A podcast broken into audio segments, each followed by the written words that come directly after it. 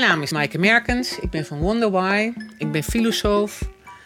En een filosoof is iemand die vragen stelt waar eigenlijk niet één goed antwoord op is. En die vragen die zijn belangrijk. Dus het is niet heb je vandaag zin in spruitjes of liever tomaten? Maar de vraag kan wel zijn zijn groenten eigenlijk belangrijk in je leven? Heb je ze nodig om te overleven? Dat is een belangrijke vraag. En de een kan denken, ja, dat, dat vind ik. En de ander kan denken, nee, dat vind ik helemaal niet. En daar kunnen we dan over gaan praten. Dan ga je dus filosoferen. Dus het is een vraag waar geen één goed antwoord op is. Een heleboel antwoorden zijn goed. Altijd een mening erbij geven. Dus waarom vind je wat je vindt? En vooral probeer je te laten overtuigen dat je niet gelijk hebt. Heel belangrijk. Een ander ding van het filosoferen is dat het een leuke vraag is. Liefst. Een liefste vraag waar je echt een beetje lol aan hebt. Die voor jou belangrijk is in jouw leven.